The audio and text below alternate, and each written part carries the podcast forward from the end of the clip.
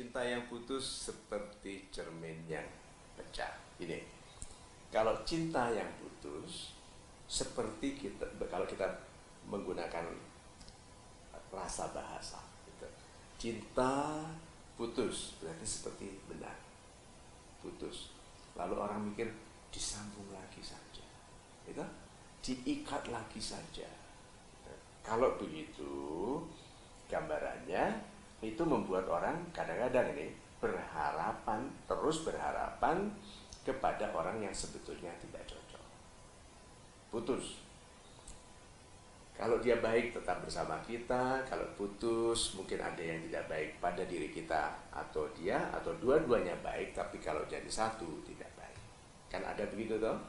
Seperti orang-orang bilang ini oli baik dengan kopi baik. Itu kalau dicampur tidak enak. Oke, karena penggunaannya beda. Nah, orang juga begitu. Tapi kalau kita menggunakan istilah cinta yang putus, seolah-olah kita bisa menyambung lagi, berharap bisa menyambung lagi, atau mengharuskan diri menyambung karena konsepnya tali, benang yang putus, padahal ada ketidakcocokan. Nah, salah satu cara melihat cinta yang putus adalah disamakan dengan cermin yang pecah.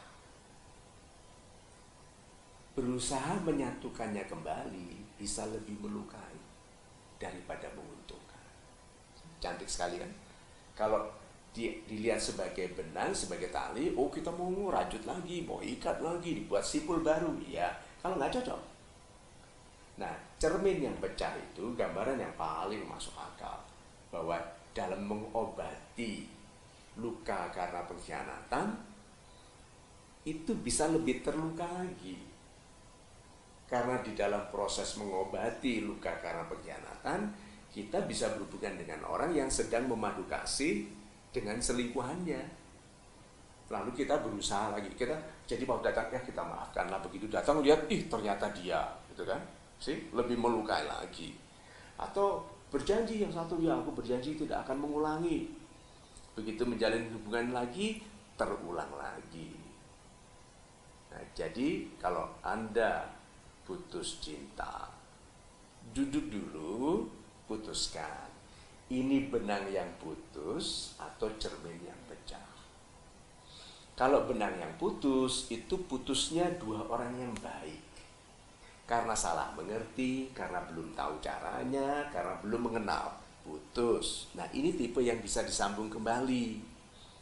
Tetapi kalau putusnya cinta itu Anda simpulkan cermin yang pecah karena dilanggarnya perjanjian, dilanggarnya janji, dilanggarnya kesetiaan, maka yang paling baik adalah move on. Gitu. Jadi prosesnya tiga selalu move away dari pecahan-pecahan kaca yang tajam itu, move away menjauh, move on, melanjutkan, lalu naik. Move up, yaitu membangun hubungan di lingkungan yang lebih baik supaya menemukan cinta yang lebih baik. Karena kalau kita tidak cocok di satu level, di satu tingkat, itu pemberitahuan bahwa kita tidak di situ jodohnya. Kita harus menaikkan diri supaya pantas bagi cinta yang lebih berkelas.